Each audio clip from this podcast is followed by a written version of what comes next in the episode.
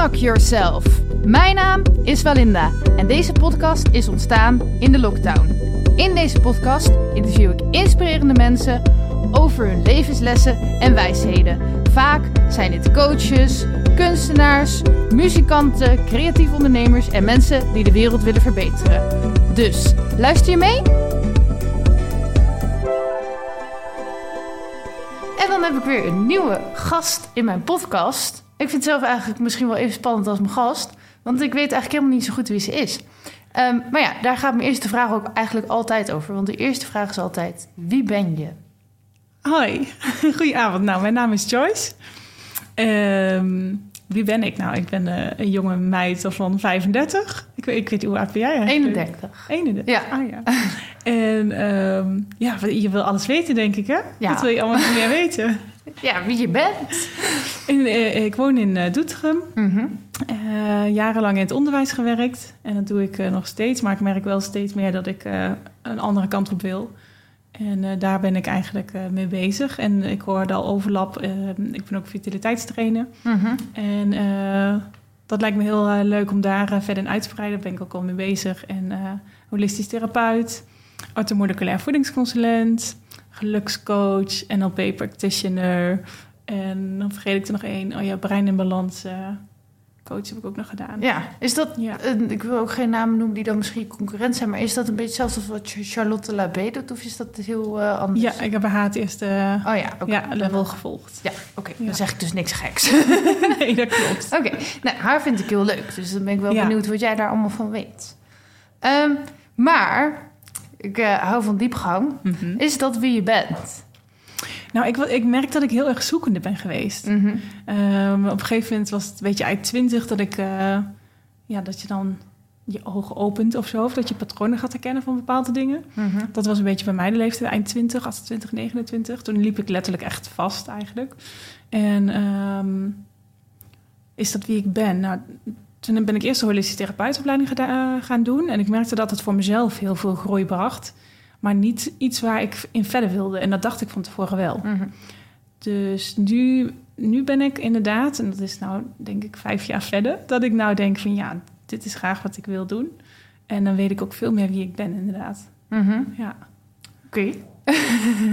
Is dat antwoord op je vraag? Ja, nou ja, kijk, je kan die vragen, maar dat is, ik, je mag hem beantwoorden zoals je wil beantwoorden. Maar sommige mensen zijn heel erg hun beroep. Ja. En sommige mensen zeggen, eh, noemen daarbij hun missie of hun roeping. En sommige mensen zeggen, ja, maar het bestaat helemaal niet. Dus je kan hem heel diep gaan. Ja, precies. Maar eh, dit is jouw antwoord.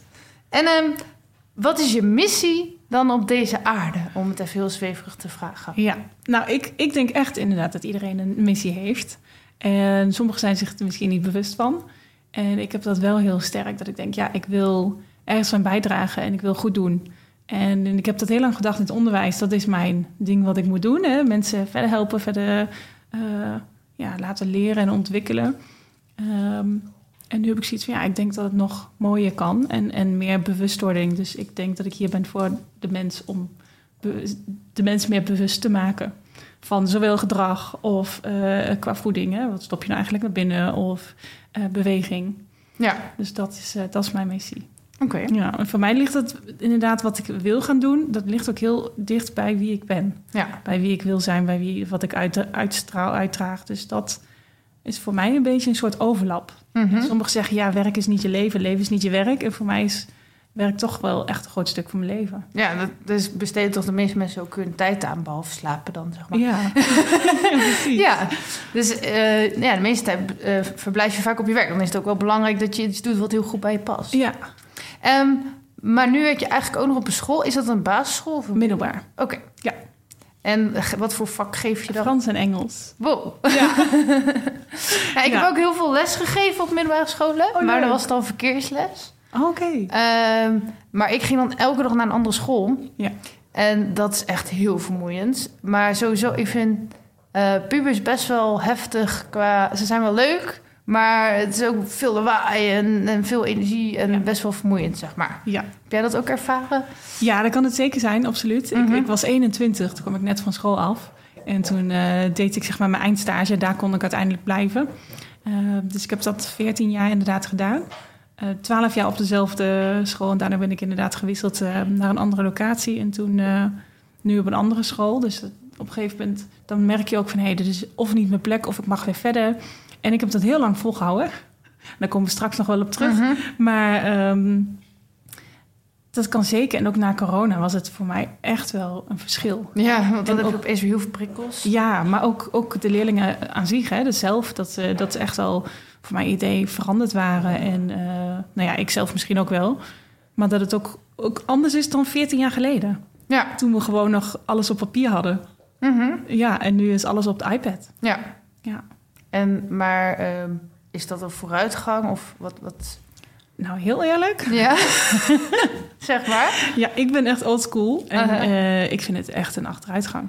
Oké. Ja, ik, ben, ja, ik heb het liefst gewoon alles op papier. Mhm. Eh, dat is voor de, voor de leerlingen vind ik ook praktischer, makkelijker. Je hebt dan bijvoorbeeld een werkboek en een tekstboek. Als je iets in je werkboek opschrijft, kun je het in je tekstboek opzoeken. Plus alles is tegenwoordig zo snel dat we het ook minder snel opnemen. Mhm. En als je de tijd neemt om het op te schrijven, op te zoeken, dan moet je zelf zoeken. Dan is je brein aandachtiger dan hè, als je iets in Google intypt. Dus dan moet je er zelf meer voor verrichten. Maar ook als je het opschrijft, dan heb je de tijd nodig om dat te verwerken. Wat juist weer maakt dat het beter in je bre- brein eigenlijk eh, kleeft. Dus dat Mhm. de beleving gaat beter dan als je alles snel typt, bijvoorbeeld. Eens. Aan de andere kant, die, die prikkels van, eh, van games en, en flitsen en snel, dat maakt ook weer dopamine aan, waardoor het misschien weer beter opslaat. Of... ja, jij weet ook heel veel over gelukstofjes, denk ik. Ja, ja nou, het, geeft echt direct prikkels. Maar Uh-huh. ik denk dat we nu veel te veel prikkels ervaren. Moet ik die lamp uitdoen? ik heb zo'n kleurenlamp daar Ja, staan. een hele leuke glitterlava lamp staan. en ik kwam net binnen en ik dacht, oh leuk, die had ik vroeger ook. Leuk, hè? Ja, ik vind hem heel leuk. Dus nee, hoeft niet uit. Oké. maar goed, prikkels, sorry. Ik Ja. ga alle kanten op. Maar... Maar dat is inderdaad, en we hebben onze telefoon, en Mhm. we hebben de laptop, en we hebben nog een iPad, en dan kijken we nog tv. Ja. En al die dingen waar we vaak, nou ja, naast, naast ons werk bijvoorbeeld ook gewoon privé eh, gebruik van maken. Daar zitten we zoveel uur aan en dat maakt inderdaad heel veel dopamine aan. Dus Ja. waardoor we eigenlijk continu heel hoog in de stresslevels zitten. ja. Terwijl we het zelf niet meer doorhebben. Mhm. Maar Oh, ja, mijn hond maakt best wel geluiden. Oh, Ties, kom maar op schoot anders. Anders maak je te veel lawaai voor de podcast. We gaan verder. Ehm, dus dat gaat dan over... Ja, maar ik ben eigenlijk juist... We gaan zo weer door op je missie, hoor. Maar met onderwijs heb ik ook wel een bepaalde visie...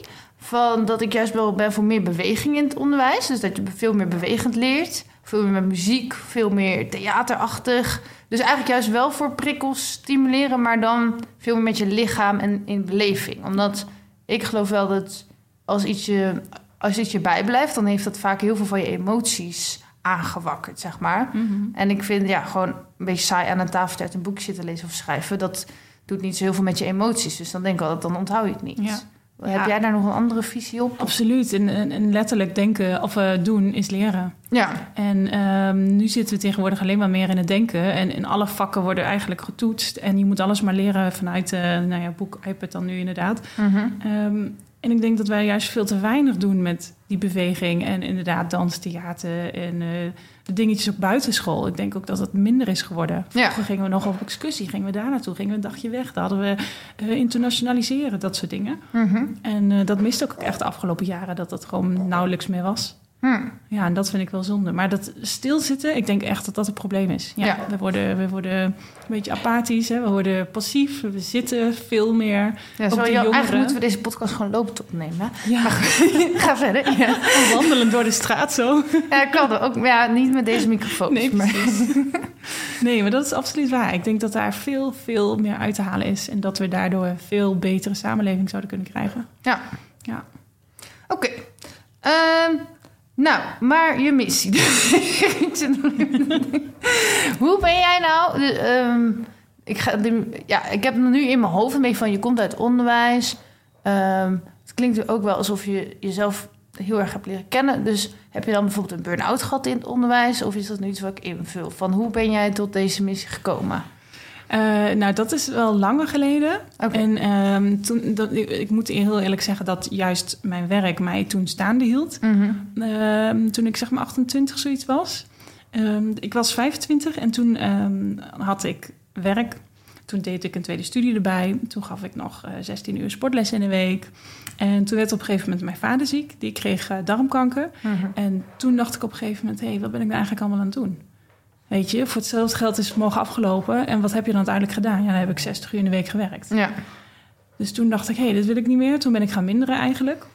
Heb ik de sportlessen allemaal aan de kant gezet. En ehm, toen ben ik me dus meer gaan verdiepen in voeding. En toen dacht ik, goh, hoe kan het nou dat hij darmkanker heeft? En ik heb ook wel eens een gesprek gehad met een oncoloog. En die zei van, nee, hij heeft puur pech gehad. Dus puur pech. En kan ook genetisch zijn. En ik dacht van, maar, ja, hoe dan? Ja, dat, heeft vast invloed. Ook voeding heeft vast invloed op dingen die kunnen die ontstaan. Die, Mhm. eh, en zo is dat eigenlijk een beetje gekomen. En toen ben ik me verder gaan verdiepen. En ik deed toen ook de studie Engels. En moesten we van die eh, proefschriften schrijven. Hè, dat je allemaal logische volgordes in verhalen kon schrijven. En dan mocht je zelf je onderwerpen eh, bepalen. Dus toen ging ik mij verdiepen in voeding en vlees bijvoorbeeld. Hè. Welke onderzoeken kwamen er nou uit? Ehm, toen ben ik op een gegeven moment zelf helemaal gestopt ook met vlees. Mhm. Dat ik dacht van, nou, daar wil ik niet, niet binnenkrijgen. Ehm, ik moet nou wel zeggen dat dat nu ook wel is veranderd. Ook mede door die orthomoleculaire studie bijvoorbeeld. Mhm. Dat je bepaalde dingen leert. En ik denk, oh ja, hey, hmm, balans, wat je straks al zei, dat is eh, een mooi toverwoord, denk ik. En toen dacht ik van, ja, hier wil ik meer mee. Wij, wij leren dingen op school waarvan ik denk, ja, je kan wel 13 vakken uit je hoofd moeten leren en vervolgens elke week meerdere toetsen krijgen. Eh, en daardoor verliezen we totaal onze creativiteit, denk ik. Ja, en ik weet echt niks meer van wat ik ooit op de middelbare school heb geleerd. zeg. Dat heeft Ja. niet heel veel indruk gemaakt. Of... Nee, ook dat. Hè. Je doet het is vrij saai, het is vrij droge stof ook inderdaad. Ja. En dan vervolgens dan doe je er niks meer mee. Meeste dingen je- niet. Nee. Nee, specificeren in één onderwerp. Dus de rest, dat, dat als je niet eh, met Frans wat gaat doen... Ja, de meester eh, die zijn het vergeten. Ja, en sommige ouders komen ook wel heel trots met een open dag. Ja, mevrouw, ik weet eh, het rijtje van Erdre nog. En die dat dan opzommen van vroeger. dat is dan ook wel heel grappig. Dus dan hebben ze nog wel inderdaad... Maar om dan dat te onderhouden, ja, dat, dat vraagt echt meer. Ja. Ja. Dus in principe was het dus vooral door de dood van je vader dat je op deze missie bent gekomen. Hij, zou, eh, hij zei, hij leeft nog. Oh, excuses. Oh, nu heb ik iets ingevuld. Nee, ik, ik weet niet, zo klonk het even. Heb ik niet Ja. goed geluisterd. Sorry, Nee, vader, nee, als ik had ook luistert. nog niet verder daar... Oké. eh, nou ja, zo leer ik ook weer eens iets van een podcast. Gelukkig dat hij nog leeft. ja, En, eh, ja. Maar is hij nu alweer beter? Ja, ja. Ehm, hij is nu een paar jaar geleden ehm, zeg maar schoon verklaard. Hè? Dus als het op een gegeven moment snijvlakken schoon zijn, dan, eh, dan noemen ze dat inderdaad eh, eh, ja, kankervrij. Maar ze hebben wel gezegd van nou, als het terugkomt, dan kunnen we niks meer doen. Want er is er zoveel Mhm. gebeurd. Hij heeft het in de jaren daarna nog teruggekregen. En st- eh, sterk, of snel groeiende vormen ook en grote. Dus daar is een heel traject geweest. Het heeft jarenlang geduurd. Van het ene ziekenhuis naar het andere en noem maar, maar op. Ehm, dus ik heb ook letterlijk gezien inderdaad wat een mens eigenlijk aan kan. Mhm. Wij, wij dachten allemaal van we gaan hem verliezen. Ja. Ja, dat, en, en uiteindelijk is dat niet gebeurd. En hij heeft ook echt wel wat aan overgehouden. Hij heeft eh, allerlei complicaties gehad. En nou, de operaties zijn niet meer op vier handen te tellen die hij Mhm. allemaal gehad heeft. Dus dat is echt bizar. Maar aan de andere kant ook ja, zo mooi hoe sterk het lichaam is... en hoe je lichaam alles eraan doet om te overleven. Ja. En, en dat is ook met die orthomoleculaire studie... dat als er iets is, als je ergens een tekort hebt... dat je lichaam er alles aan doet om dat ergens vandaan te halen... zodat je organen, zodat je, hè, je, je echt de basisdingen die je echt nodig hebt... dat die als eerst moeten overleven. Mhm. En je huid of je haar, dat kan als eerste naar de zijkant worden geschoven... want dat eh, maakt niet uit of je Mhm. dat wel of niet zeg maar, hebt om te overleven. Ja. Dus dat, ja, dat vind ik mega interessant. Oké. Ehm, ja, ik zit even te denken. Welke opleiding heb... Ja, je hebt het al een beetje gezegd, maar welke opleiding heb je nou allemaal gevolgd hiervoor, denk ik? Nou, misschien ook wel hier- in hele andere opleidingen. Ik begon met mijn vetenstrikdiploma. Yeah, die heb ik ook. En toen was ik 13 en toen deed ik de eh, assistentiecursus. Mhm. Dus eh, toen mocht ik voor eh, twee gulden mocht ik, als hulpje bij de gym helpen. Toen was ik 16 en toen deed ik de KGU, ja, KGU-opleiding. Dus eh, C-licentie is dat. Dan mag je zeg maar, gymlessen geven bij verenigingen. Mhm. Toen was ik 18, toen deed ik mijn STEPS-opleiding. Dat is voor met die step... Ja, ja, met die hoogtjes en, dan, en dat, doe, dat doe ik Ja. tot op heden nog. Ik denk dat ik mijn hond zo even buiten ga zetten. Hij is echt vervelend. Hij is een beetje in de puberteit gekomen. Dat merk ik echt aan hem. Ja? Ja, maar eerst was hij veel liever. Ehm, mag je verder met je opleiding vertellen? Ga ik de hond even buiten zetten. Ja. Dat kan echt niet. Dus vertel maar verder. Ja, en eh, toen de stepsopleiding dus. Eh, dat heb ik eigenlijk ook vanaf mijn achttiende gedaan. En vervolgens, ehm, toen ben ik eh, ja, op mijn 17e begonnen met een HBO eh, Frans docentenopleiding. En toen ben ik dus in het onderwijs gerold. En toen ik 25 was, toen ben ik met Engels begonnen. Toen was ik 28, bijna 29 was ik daarmee klaar. En toen begon ik, eh, ja, 29 of 30 met de holistische therapeutopleiding. En toen inderdaad orthomoleculair voedingsconsulent, ehm, brein in balans, gelukscoach, NLP. Oh, in afgelopen jaar nog leefstijlcoach. Cool. Ja, die, eh, ik heb wel Ja. vitaliteitscoach gedaan. Dat is dan bij hetzelfde, toch? Ja, Ja. ja. denk ik ook. Oké. Dus de opleidingen kunnen heel erg verschillen. En, eh, maar goed, ik heb ook zoveel eh, bij elkaar gedaan. En ja, Dus eigenlijk ik- heel veel opleidingen rondom sport en gezondheid en voeding. En, ja. ja. Ja, en toen die laatste, ja, de laatste, die leefstijlcoachopleiding, toen dacht ik, want de rest is wordt al snel vaag gevonden dan, hè? Mhm. Het is zweverig en dan doe je iets wat men niet weet wat het dan precies inhoudt. En, eh en leefstijlcoach is dan concreter voor de mensen. Plus daar zit dan weer een accreditatie aan. ja. Dus toen dacht ik, nou, dan moet ik die nog maar halen. En dan Ben je kun je van dan... je zweefteven imago af. Ja. en de pillenvrouw en weet ik wat. Want ik, ik verkoop ook natuurlijk voedingssupplementen Oh ja. bijvoorbeeld. Ja. Ja, dat past dan mooi eh, erbij natuurlijk, zo'n compleet plaatje. En ehm, ja, toen die leefstijlcoach inderdaad. En dat, daar kun je dan ook letterlijk vacatures op vinden. Want anders moet je in principe voor jezelf beginnen. Mhm. En daar heb ik ook aan gedacht. Dat wilde ik ook echt heel graag. Maar Mhm. later dacht ik, ja, dan heb ik een mooie praktijk thuis aan huis gemaakt. Maar toen dacht ik, ik wil niet continu thuis zitten. Mhm. Ik moet onder de mensen zijn. Ja. Ik ben echt een sociaal dier en ik, en ik groei ervan als ik tussen de mensen ben. En eh, ja. Maar je hebt nog steeds wel je eigen bedrijf, toch? ja, Maar je, doet het ook nog in dienst, of begrijp ik dat verkeerd? Ehm, mm, nou, de leefstijlcoach doe ik nu wel binnen een bedrijf, maar wel Ah. inderdaad op ZZP-basis. Oké. Dus daar word ik zeg maar door ja, ingehuurd eigenlijk wel. Maar Ja. wel volgens hun richtlijnen in principe. Oké. Ehm, nou, en toen ik dus jouw site ging bezoeken, toen dacht ik wel van, maar dat kan je bij mijn site ook zeggen, even duidelijkheid. Van wow, die doet echt veel. Ehm, kan je wel kiezen? Dat is dus mijn vraag. Ja, mooie. ik vind het heel veel leuk. Ja. En ehm, aan de ene kant is dat een gevaar. Want je vindt het heel wel leuk. En, maar aan de andere kant, ik heb ook zo lang hetzelfde gedaan... dat ik Mhm. uiteindelijk zoiets heb van... ja, weet je, ik mag vliegen, ik mag uit, ik mag doen wat ik wil. Ehm, en ik heb, denk ik, doordat ik heel veel heb gedaan... ik heb heel lang het gevoel gehad dat ik niet goed genoeg was. Mhm. Dat ik dacht, nee, ik moet nog meer weten. Nee, ik moet nog meer kennis opdoen. Ja. Nee, ja, als ik die opleiding heb, dan... Dus dan ga je maar... Of tenminste, ik ging maar door... Mhm. En ehm, ja, totdat ik nu inderdaad zei van... joh Joyce, het is genoeg. Klaar en ga maar doen. Ja. En ga nu maar eh, ja, jezelf laten zien erop uit. Dus daarom dacht ik ook, nou, ik moet naar jou toe. Ja, nou, ik vind het ook super. Want ja, ik, eh, dit onderwerp past gewoon helemaal bij mijn podcast en bij mijn interesses. Ja. Dus eh, dat is wel, ja. Ehm, maar van al die dingen die je dan doet, Mhm. heb je dan één specialiteit? Nou, ik denk eh, eh, in de missie van... in het kader van het bewust te maken... vitaliteitstrainen is voor mij de samenvatting. Met de drie pijlers, dus met de gouden driehoek, zoals, zoals ik hem noem. eh, beweging, voeding en eigenlijk dus mindset, Ja. coaching.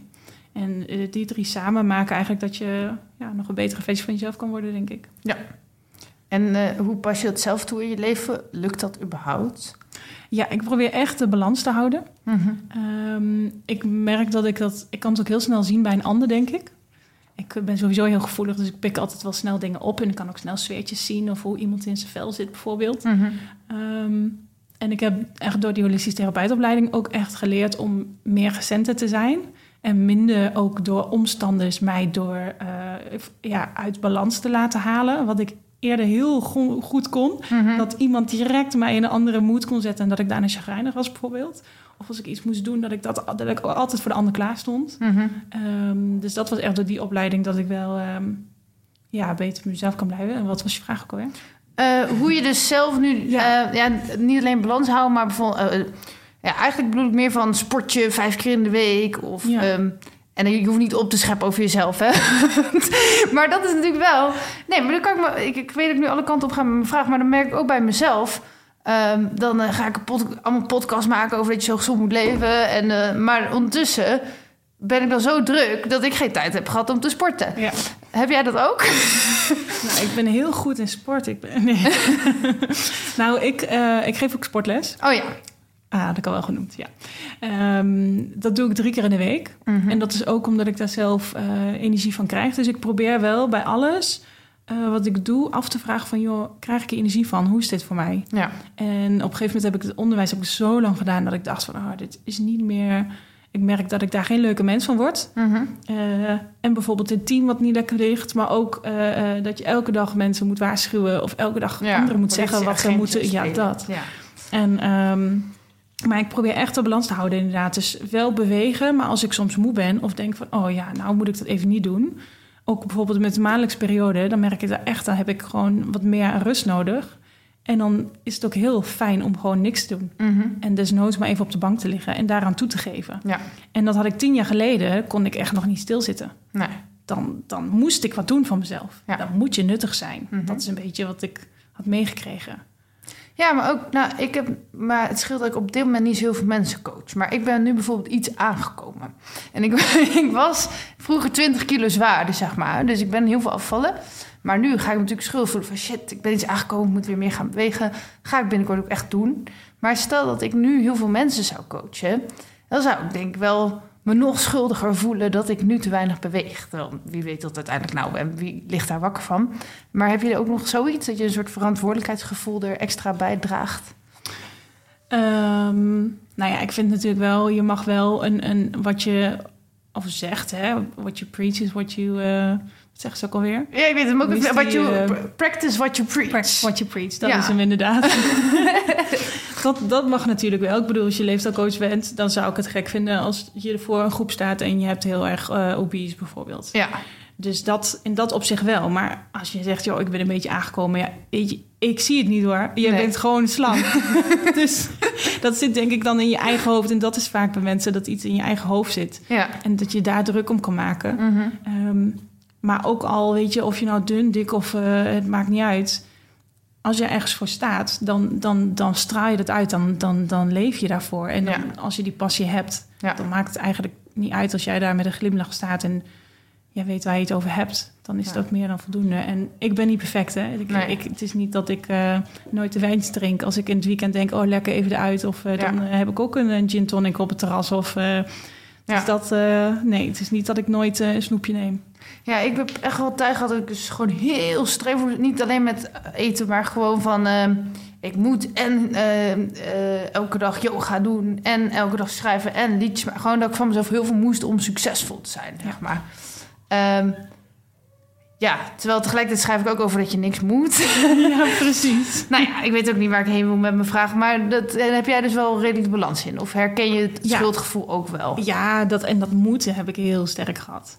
Ja, maar ook dat practice what you preach. Aan de ene kant is dat dus ook van je moet helemaal niks en loslaten. Maar aan de andere kant dacht ik, ja, maar ik, ik preach ook wel dat je eh, heel veel, je zoveel mogelijk uit het leven moet halen. En je mezelf moet eh, ontwikkelen, weet je wel? Ja. Nou ja, zo. Ja. Maar je kan nooit alles practicen what you preach. Tenminste, niet tegelijk. Nee, ja, en ik denk dat je dat heel veel wel kan doen. Maar ik denk dat je inderdaad ook soms mag loslaten. Ja, En, en, en niet alles perfect moet willen doen. Nee. Niemand is perfect. nee. Dus ook dat, ja, dat, ja, dat denk ik. Dat je wil streng zijn van jezelf. En natuurlijk wil je het goede voorbeeld geven. Maar ja, als jij niet elke dag met een zak Doritos op de bank ligt, dan... eh, Ja, en je wordt ook niet, tenminste, ik word niet gelukkig niet de hele dag gevolgd door camera's of zo. Dat is niet wat je doet, toch? nog niet. Even kijken. Ehm, maar hoeveel sport je nu gemiddeld zelf? Eh, nou, eigenlijk drie keer in de week. Maar nu denk ik, oh ja, nee, ik heb zaterdag nog een stukje hard gelopen. Niet dat ik heel goed kan hardlopen. Ja. Zacht lopen is het meestal. Maar soms ook wandelen. Dus ik probeer echt wel veel te bewegen. En Ja. het is niet dat ik denk, dat heb ik heel eh, vroeger ook wel gehad. Hè, tien jaar geleden, dat ik echt dacht, ik moet nu sporten. En dan zat ik ook heel hoog altijd. Dat is echt wel flink. Dus of inderdaad steppen of bodypump. Dus echt wel flink veel van het lichaam vragen. En nu, eh weet je, is een wandeling ook prima. En Ja. als ik de hele week niet gesport heb, omdat ik, eh, weet ik veel, ziek was of de les gaat een keer niet door, of, dan is dat ook prima. Dan kan Ja. ik dat loslaten. Ja. ja, ik had nu dus bedacht, omdat ik toch merkte dat ik niet genoeg tijd had. dacht ik, ik ga gewoon... ehm, want na mijn kantoor waar ik nu werk, kan ik niet ehm, eh, helemaal gaan skillen. Want ben ik twee uur bezig. Dacht ik, ga het laatste stukje skileren. Dus dan had ik gewoon vijf minuten van het kantoor, zeg maar, in mijn auto geparkeerd en dan ging ik skileren en dan moet je weer terug skileren. Dacht ik, nou, dan heb ik weer een half uurtje, want met skileren is het dan wel weer een kwartier, zeg maar. Wat heb goed. ik weer een half uurtje beweging gehad. Hoe was dat? Ja, leuk. Vooral 's ochtends gewoon zo. Ja. Maar mijn collega's zeiden echt, jij bent echt gek. maar ja, ja, ik meen, dan Nou, dat is maar een super mooie oplossing, toch? Ja, en ik werd er Ja. best wel vrolijk van. Ja. Maar elke ochtend is wel lastig. Dan moet je ook weer precies op tijd komen dat je dat kwartiertje nog hebt. ja. Of even in je pauze, hè? Even gewoon een wandeling. Ja, maar dan moet je ook weer eten. Dan heb je maar een half uur. Vind ik altijd ook lastig. Ja. Dus dan kijken, inderdaad, kun je dan... eh, nou, het, het mooiste is even bewegen voordat je gaat eten. Ja. Dus eerst bijvoorbeeld even een rondje en dan... eh, ja. Maar ik snap wat je bedoelt. Dat is... Eh, ja, of een kwartiertje, kwartiertje. En hoe organiseer jij je leven? Hoe organiseer ik mijn leven? Ja, want dat vind ik dus... Ik weet dat het... misschien dat andere mensen er veel minder over nadenken. Maar ik heb dus al mijn hele leven zoiets van... Hoe doen mensen dat? Terwijl ik heb daar dus een structuur junkie planner. Ik heb elk uurtje uitgeschreven wat ik doe. Ik- Ja. Soms lukt het ook niet hoor. Dus het is niet zo dat, dat ik perfect ben of zo. Maar ik snap nog steeds niet hoe mensen nou alles in de tijd krijgen. Ik heb altijd tijdtekort. Want wat is je reden dat je, dat je daarin sch- inschrijft? Merk je dan dat je, dat je priorite- prioriteiten moet maken of dat je anders Ja, niet maar afkrijgt? alle, ja, dat, maar ik vergeet ook gewoon alles. dus vroeger vergat ik afspraken, kwam ik sowieso altijd te laat. Ehm vergat ik wat ik allemaal moest doen en regelen. En, ja. Dus dat heb ik wel steeds minder gelukkig. Ja. Maar nog steeds denk ik, ja, alles wat ik wil, dat, dat past gewoon niet in de tijd. Dan, dan moet ik nog honderd worden. Nou, dat mag op zich ook wel. Maar, nou ja. Ja, precies. Maar misschien willen andere mensen wel minder veel dan ik. Dat kan ook. Nou, nou, ik denk dat meer mensen dat wel hebben. Mhm. Dat, dat heel veel mensen denken van ik wil het meeste uit het leven halen. Ja, En dat mensen ook wel een agenda maken. En dat maakt het soms ook wel weer spannend. Want wat als je het niet redt? Ja. Wat als je iets niet afkrijgt? ja. Houdt het je dan bezig? Of kun je het ook makkelijk verplaatsen? Of denken van nou, morgen weer een dag? Ja, ja want da- daarin heb ik ook nog dat ik gewoon gestrest werd van het feit dat ik een agenda had. Ja, ja precies. en dan kan je het weer beter niet hebben. Ja, dat is inderdaad echt kijken voor jezelf. Hé, hey, wat vind ik fijn? Wat helpt mij? Ja, Van, van en tot hoe laat kan ik bijvoorbeeld bepaalde activiteiten doen? En daarna laat ik het los. Ja. Of eh, dan heb ik even een piekenmomentje. Dan mag ik even voor mezelf even een kwartier even over alles eh, piekeren en nadenken. Of eh, spuien of eh, klagen. Maar dat je inderdaad voor jezelf kan zeggen... oké, en daarna is het klaar. ja. En dan doe ik even niks. Of dan iets simpels, zodat je even je hoofd leeg kan maken. Ik heb ook een keer, ehm zo heb ik allemaal rare experimenten met mezelf voor. Toen was ik te veel met de tijd bezig. Toen heb ik zo in mijn laptop de tijd afgeplakt, op de magnetron de tijd afgeplakt. ik dacht, ik ga gewoon een weekend tijdloos leven. En En toen was ik echt minder gestrest. ja, Want ik was gewoon continu bezig van... zo laat moet ik dit, zo laat moet ik dat. Ik heb tien minuten om dit te doen. Ja, dus weer afplakken.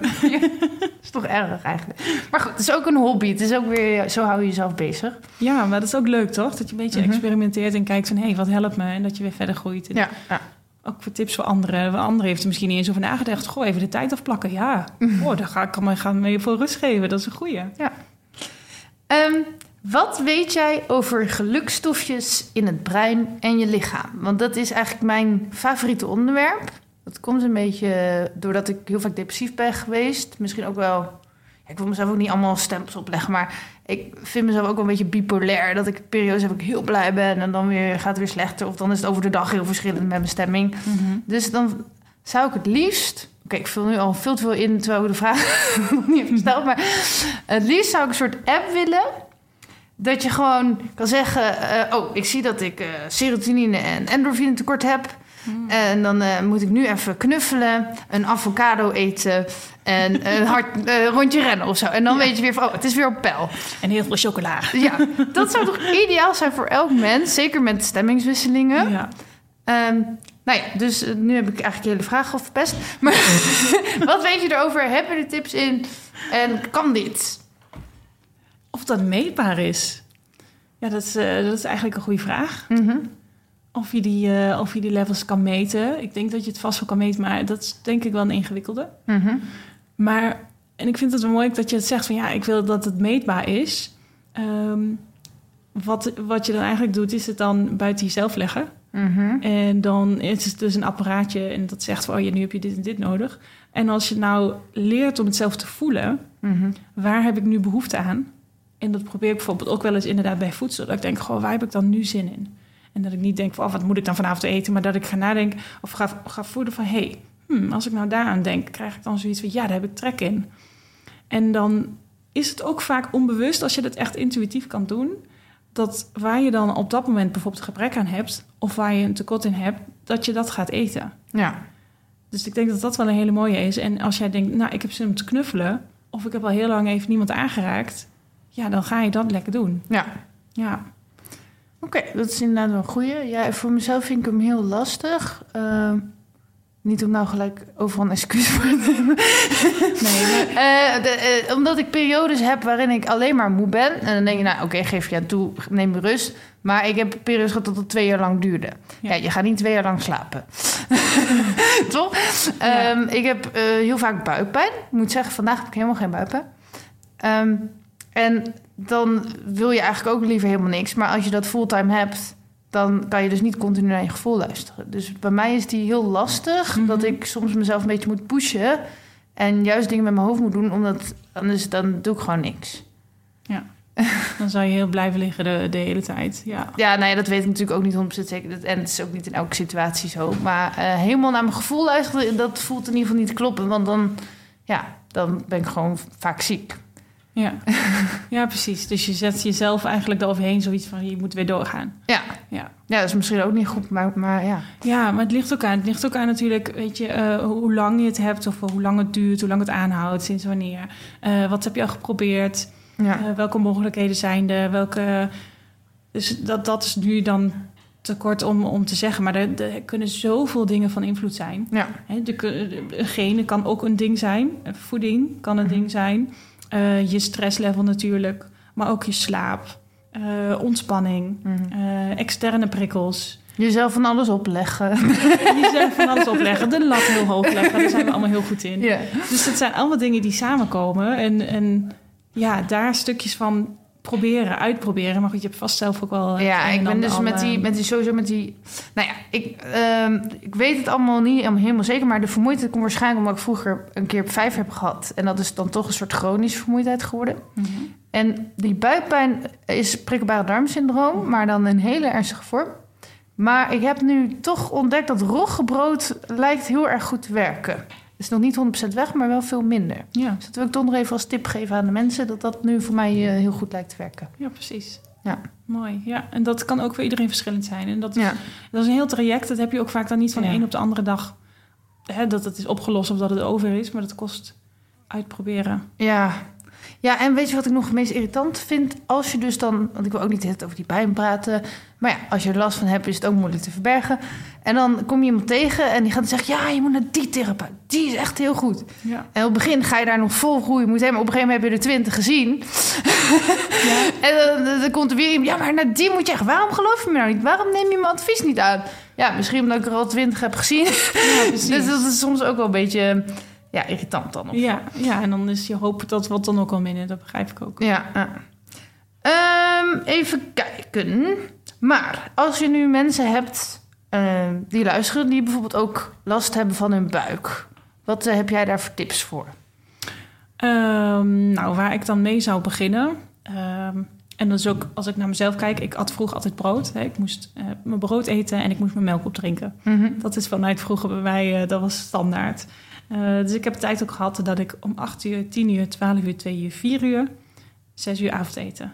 Dat ik daarvoor elke keer momenten van brood had. Als ik dan niet at of niet ontbeet bijvoorbeeld, of het was iets later dan die 2 uur, dan werd ik daar helemaal naar van. Dan kon ook letterlijk zeg maar van mijn stokje vallen. Ehm, en dat zou mijn eerste tip zijn om eerst eens eh, de granen te vermijden. Om brood te vervangen door iets anders. En proberen je eetmomenten dan te verminderen. Dus niet meer continu die katten hebt pauzes, waardoor je eigenlijk de hele tijd weer eh, die bloedsuikerspiegel, zeg maar, eh, die stijgt dan. Dan heb je ook die piekmomenten. En als je juist voeding eet wat minder die bloedsuikerspiegel laat stijgen, minder hard laat stijgen, als je meer op natuurlijke voeding eigenlijk overgaat, dan eh, denk ik dat je heel snel al minder last hebt van je buik. Mhm. Mag ik ook nog advocaat van de duivel spelen? Maar dat klinkt heel alsof ik helemaal... Maar je hebt ook wel veel mensen die hebben juist allergenen voor groente en fruit en zo. Dus dan kan je juist weer wel... Dus dat, maar ja, voor iedereen is het weer verschillend. Ja, natuurlijk. en Ja. mensen hebben dat inderdaad ook bij bepaalde fruitsoorten of eh, bij appels bijvoorbeeld Ja. of eh, aardbeien. Ehm, nou, dan zou ik eerst kijken, oké, probeer eventueel biologisch, maar anders hou je die focus op de groente. Hou Ja. de focus op de groente waar je wel tegen kan en ga echt meer groente eten. Ik denk dat we onderschatten ehm, hoe, hoe goed het voor ons is, hoe veel meer groente wij eigenlijk mogen eten. Ja. Luister je ook wel eens eh podcast van allemaal van die vo- voedingsexperts en zo? Ja, ik heb heel wat eh, afgeluisterd en gelezen de afgelopen jaren. Ja. ja. Want ik merk dus, ehm, ik ging dat allemaal opschrijven en dan tegen elkaar afwegen en een samenvatting maken. Maar ja, op een gegeven moment kom je toch achter, iedereen heeft weer zijn eigen waarheid. Ja, zeker. En toen dacht ik wel, oké, die ene zegt dat ik alleen maar fruit moet eten. En de andere zegt dat ik juist vlees moet eten. En, en- en- dus ik zou eigenlijk nog wel een keer een podcast willen dat ze allemaal met elkaar in discussie gaan, zeg maar. Ja. Ehm, maar hoe, hoe weet je dan wat waarheid is? ja, wat is waarheid? Ja, Dat, dat als eerste. Wat is waarheid? Is, is waarheid als eh, iemand iets zegt en het werkt voor jou? Of is waarheid als iets wetenschappelijk eh, eh, bewezen is? Dus dat is al de eerste vraag. En, en ik denk dat waarheid uiteindelijk voor iedereen anders is. En wat voor jou werkt, dat je dan denkt, ja, dat is voor mij de waarheid. Dus dat heb ik nu ook bij mijn dingen die ik doe, ehm, dat dat in mijn waarheid is. En dat, dat is kloppend voor mij. ja. En als ik de andere mensen mee kan helpen, super. Wil diegene iets anders? Wil iemand wel brood eten? Prima, dan zoeken we uit... Hey, op welke manieren kun je dat wel eten... waardoor je niet last hebt van je buik bijvoorbeeld. Dus het is niet wat ik wil... dat ik dat aan de ander overdraag... maar echt vanuit diegene kijken... oké, wat wil jij en hoe kunnen we dat... eh, ja, aan, of aanpassen? Hoe kunnen we, ja, hoe kunnen we dat eh, Mhm. veranderen naar een betere leefstijl? Ja, maar eh, er zijn dus ook... Ik zelf ben ook hypnotherapeut, maar ik doe niet zoveel met, met voedselallergie of dat soort dingen. Of tenminste, ja, wel dat ik zelf ondiagnostisch ben geweest voor mijn buikpijn. Ja. Maar ehm, eh, sommige mensen zeggen dus van... Het, je zou dus met hypnose van al je allergie af kunnen komen... en van alles waar je niet tegen kan. Dus dan zou alles eigenlijk een overtuiging zijn... waardoor je er dus bijvoorbeeld niet tegen zou kunnen. Mhm. Ehm, ja, geloof je dat eigenlijk? Ehm, nou, ik heb het inderdaad ook wel eens vaak gehoord. En ik heb bijvoorbeeld ook wel eens podcast van eh, Edwin eh, geluisterd. Mhm, mhm. Ehm, ja, vind ik mega interessant. Ja. En ik ken ook echt mensen die bijvoorbeeld van het roken zijn afgekomen Mhm. door zo'n hypnose. ja, dat heb ik wel bij mensen gedaan. Dus Ja. dat geloof ik ook zeker wel. En allergieën, ja, ik, ik kan niet zeggen dat ik iemand in mijn omgeving heb of ken die dat heeft gehad en waardoor het is opgelost. Mhm. Eh, en ik geloof best dat het voor sommige mensen heeft kunnen helpen. ja. Maar of dat alles in één keer kan oplossen, dat vraag ik mij af. ja, en er zijn dus ook mensen die zeggen... ja, het is gewoon allemaal mindset. Dus als je bijvoorbeeld alleen maar... als je gelooft dat chocola goed voor je is... zou je alleen maar chocola kunnen eten en ben je gewoon gezond. Maar dan ja, dan kun je dus ook gewoon alleen maar snoep gaan eten. Waarom zou je dan überhaupt nog groente eten als je ze niet lekker vindt? Ja, weet je? En dat is prana, toch? Is dat niet... Oh ja, eh, daar wilde ik het ook nog over. Ja, nou, vertel. Wat, wat weet je daarover? Misschien Nee, moeten, ja. moeten we daar ook even een samenvatting voor geven... voor mensen die er helemaal niks van weten. Ja. Wil jij die doen? Want anders ben ik te veel aan het woord. Ik heb, eh, ik heb een keer een, eh, een documentaire gezien. Mhm. Van, ik weet eigenlijk niet meer waarvan of, of waar die op was. Maar dat was dus een man die niet at en dronk. Braman Menor heet hij. Ah. en eh, die overleefde dus al, eh, nou ik weet niet of het inmiddels al een jaar was. Of in ieder geval al wel langer. Ja, meerdere jaren volgens mij. Ja, dat hij dus niet en dronk, maar puur... ehm, ja, ik noem dat dan heel gecenterd Mhm. is. En, en, en eh, een goede focus houdt op zichzelf en, en een positieve waarde. En eigenlijk het leven omarmen. En, en, en, en geloof in het moois en het goeds. Dat is denk ik een beetje mijn samenvatting. Ja, Hoe ik dat zie. oké. Maar, ehm, dus je denkt wel dat dat kan? Ehm, ja, nou ja, aan de ene kant als dat, eh, als dat zo is en die man heeft inderdaad nooit gegeten en gedronken, ja, dan, dan denk ik als iemand daar zo in gelooft en, en ja, dan denk ik hij zou toch vast wel wat gedronken hebben, denk ik dan. Ja, en ik denk ook van... Want heel veel mensen zeggen, ja, dat kan gewoon niet, is niet waar, Ja. liegt. Maar waarom zou iemand in hemelsnaam dat verzinnen? ja, En hij geeft ook nog workshops aan anderen. ja, precies. Dan denk ik, ja, dat, ja, eh, misschien om heel veel geld te verdienen... Want niemand houdt het vol of zo. Maar- ja. Maar ik kan me gewoon niet voorstellen dat je dat zou Nee. verzinnen. En het is ook, we willen alles bedenken en alles redeneren en alles Ja. kunnen verklaren met ons hoofd. En, en dat is gelijk als, als we iets horen of zien wat volgens ons niet kan, dan hebben we daar een, eh, mening over. Ja. En dan vinden we daar wat van. Mhm. En ehm, het zou niet voor mij zijn. Nou ja, ik dacht dus van, voor mij is, ik hou wel van eten. Maar omdat ik dus zoveel buikpijn heb gehad, op een gegeven moment dacht ik, ja, als ik dus niet meer zou hoeven eten, Ja. dat zou wel een uitkomst zijn. Ja. Maar goed, ik, ik heb te veel podcasts die over mijn gaan. maar ja, het mag ook wel een persoonlijke podcast zijn, toch? Zeker. Ehm, nou, ik weet niet of het je is opvallen, want heel steeds mensen zeggen dat het niet zo opvalt, maar ik heb ook last van acne. Heb je daar nog tips in? Wat je dan. eh, dat, ik had trouwens altijd al een beetje acne. Maar het is dus bij mij vorig jaar onderhuids gaan zitten opeens. Waarschijnlijk ook door stress. Ehm, maar dat weet ik niet verder hoe dat komt.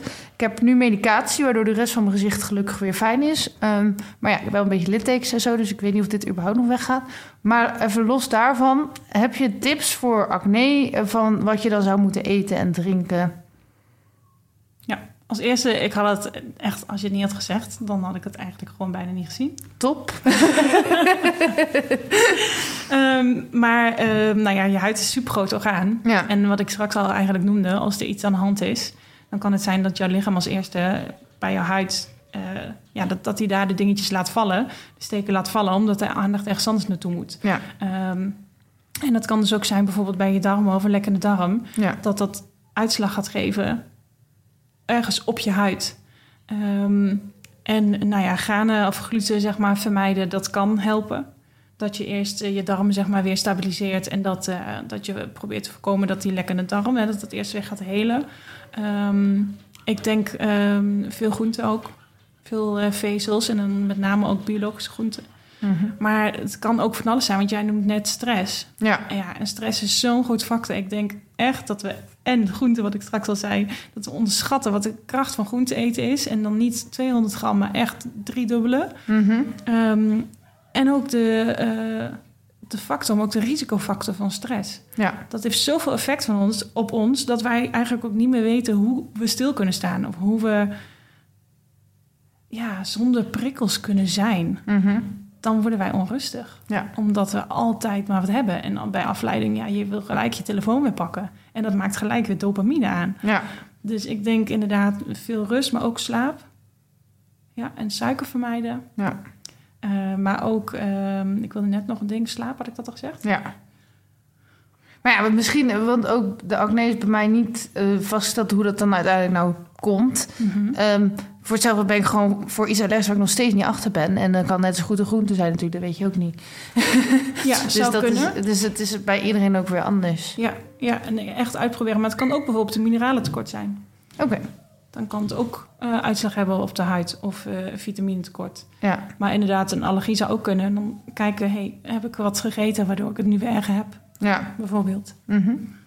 Ja, bij mij, ik heb geen idee. Maar ik ben blij dat het nu eh, door die medicatie in ieder geval minder wordt. Ja. Ehm, even kijken. Ik hoop trouwens dat die hond niet te veel te horen is. Hij is echt veel drukker dan dat ik dacht. Daar moet ik nog een keer een oplossing Ja, voor ik vraag me bedenken. af of je het hoort, want ik hoor het niet. Niet? Oké, gelukkig. ik Ja, ik zie hem dus de hele tijd zelf verder, joh. Want hij zit de hele tijd omhoog te springen om aandacht te vragen. Dat is echt verschrikkelijk. Oh, schatje. Ehm, even kijken. Mm. Mm, bij welk dieet zweer jij? Oeh. Word je dieet, krijg ik dan al een beetje de kriebels. Mhm. Ehm, en ik denk eh, veel groenten. Maar ook wel vlees, maar dan het liefst echt eh, onbewerkt en biologisch. En de groenten ook biologisch, zodat je heel veel eh bioflavonen hebt. Dus dat wil zeggen dat hoe meer je plant eigenlijk is aangevallen, de groente zeg maar, hoe eh, sterker die is, hoe meer bioflavonen die heeft. En die worden weer ingebouwd bij ons in onze structuren. Dus dan heb je ook weer meer afweer eh, voor je immuunsysteem. En biologisch ook, een biologisch vlees, omdat eh, als het buiten heeft gelopen, heeft het bewogen. Dus dat wil zeggen meer eiwitten, maar ook eh, meer vitamine D. Eh, dus daar, dat je daar echt rekening mee houdt. En dat ehm, ja, in combinatie met een fijne leefstijl. Dus mooie positief denken en, en beweging erin. Ja. Ja. En ehm, nou kan je natuurlijk ook weer positief denken, maar dat je negatieve gedachten onderdrukt. Mhm. Hoe, hoe eh, pak je dat aan, dat je Ja. daarin balans hebt? Ik denk altijd eh eh, yin en yang, zeg maar. En, en nacht en donker. En nacht en donker. Ja, dag en In nacht elk, nou ja, in elk licht zit een beetje donker en in elk donker een beetje licht. Ja, en dat is inderdaad vaak, we willen weg van de pijn. Ja. We willen het wegdrukken en we willen daar niet naartoe. En we willen iets niet doorvoelen.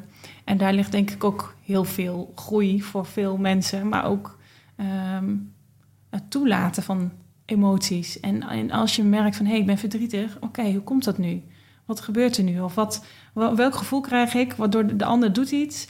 Wat gebeurt er nou bij mij? In plaats van eigenlijk die ander aanvallen. Wat ik zelf ook nog soms kan hoor. Ja. Dan merk ik, hé, hey, ik schiet uit mijn slof. Oh, dit ligt bij mij. Dit ligt niet bij de ander. Mhm. Ehm, dus ja, ik denk dat doorvoelen. Oké. Ja, want- het is ook wel... Stel dat iemand eh, gaat eh, helemaal uit zijn dak, eh, gewoon boosachtig. Dan denk je toch van, ah, die is niet opgevoed of zo. ja, terwijl tegelijkertijd is het dus iemand die gewoon lekker zijn emoties doorvoelt. En dat moeten we doen.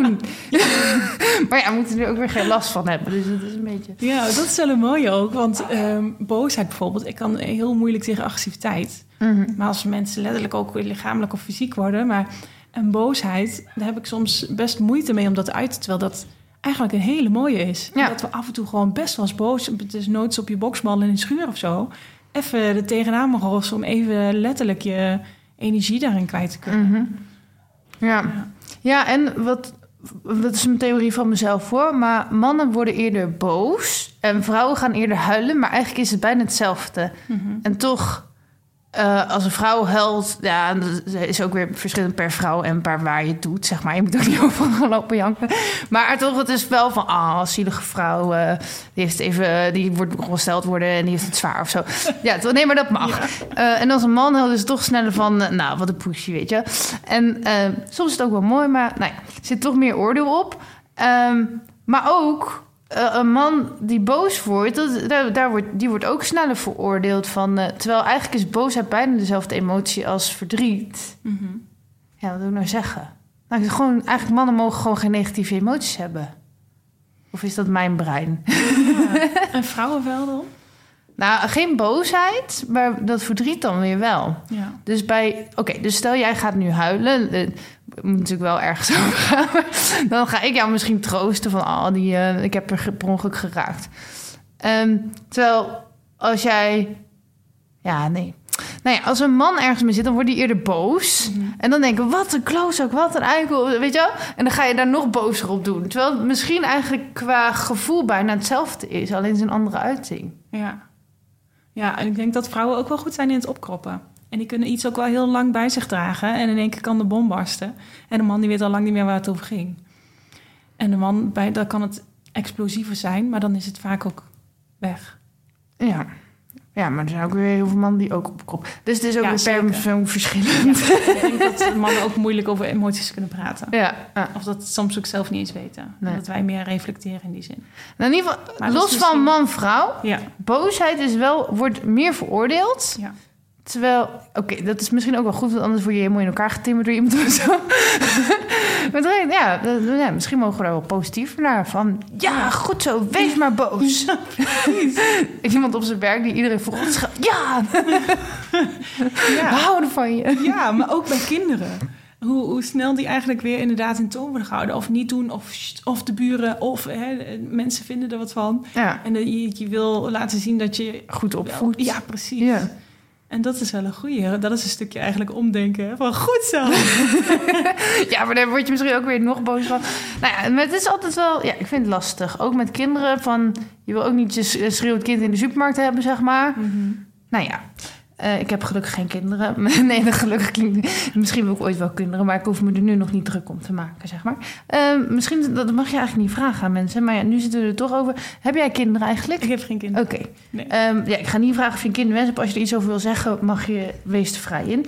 Ehm, even kijken.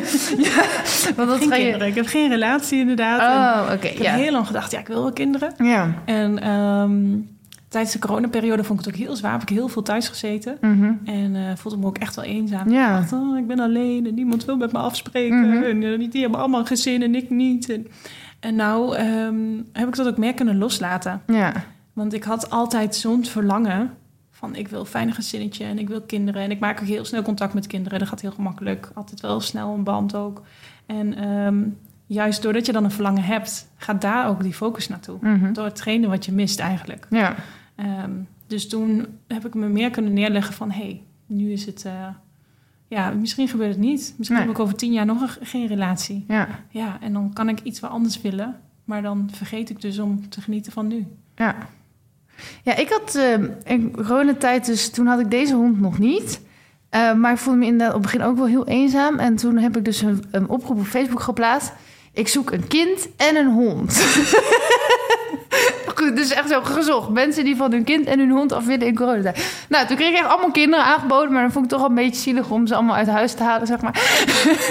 er waren genoeg mensen die er van af wilden. van je. En, eh, eh, en toen heb ik dus voor een, eh, ongeveer een half jaar geloof ik een leenhond gehad. Die was heel ziek. En die, eh, die baasjes waren heel veel aan het werk. Want die zaten juist bij de politie. Dus die waren hartstikke druk.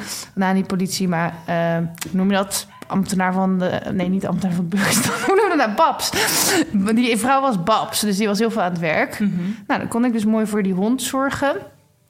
Ehm, en eh, uiteindelijk heb ik dan vooral heel veel opgepast op de, eh, het kindje van een vriendin, zeg maar. Oh, leuk. Ja.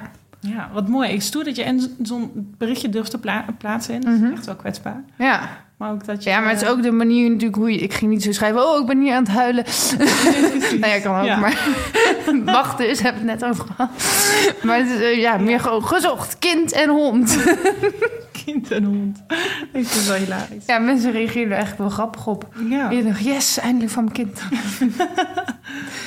ja ook begrijpelijk. Ja. Ehm, even kijken. Ja, nou, mijn, een van mijn grootste angsten is, is ehm, toch wel gewoon ouder worden. Nou, kijk, ik wil niet doodgaan, maar veroudering. Ehm, dus heb je nog tips hoe we minder snel verouderen? Ja, tuurlijk. Dus wat moet ik eten? Jij bent ook vitaliteitstrainer, dus Ja, eh, ja. coach. Ja, dus maar je meer weet- Ja, maar ik weet niet bij. Oké, dus bijvoorbeeld, wat voor groenten moet je eten om minder rimpels te krijgen? Bijvoorbeeld. Hmm. Ehm, wat voor groenten? Ja, nou, waar ik dan bijvoorbeeld aan denk, is eh, en sowieso je stress verlagen. Mhm. Stress eh, draagt bij bij eh, veroudering. Ja. Huidveroudering, maar letterlijk achteruit gaan in je lichaam. Dus dat is één ding. Wat je kan doen is bijvoorbeeld collageen slikken. Mhm. Collageen ja, zorgt ervoor dat je, ja, dat je bindweefsel eigenlijk ook steviger is. Dus dat is een idee. Maar ook vitamine C bijvoorbeeld, sterke antioxidant. Dat is ook echt eigenlijk ook altijd nemen. Maar ja, ik slik ook heel wat aan, eh, aan allemaal spul extra. Ja. Doe je, Ehm, slik jij ook collageen? Want ik vind je wel echt... eh, hoe zeg, voor mij heb jij geen rimpels, zeg maar. Nee, Nee. moet je echt iets beter kijken.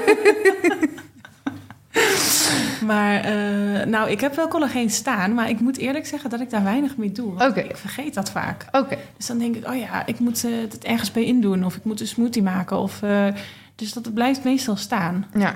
Ja, dan moet ik dat uh, eigenlijk bij zo'n eiwitshake of zo. Maar dan niet natuurlijk zo'n vieze shake kant-en-klaar. Maar gewoon wel echt natuurlijk spul. Maar dat vergeet ik, vergeet Ja. ik vaak. Dus nee, op het moment, ik slik geen collageen. Nee. Oké, okay. was je al uitgepraat dat ik onderbrak je midden in je... En um, nou, je zei voor de huidveroudering... Um, uh, je kan ook oefeningen doen. Zeg maar uh, dat je ja, bepaalde handelingen gewoon in je gezicht bijvoorbeeld doet. En, en strijken en wrijven en dat daar doorbloeding is. Uh, ja, dat, dat denk ik ook.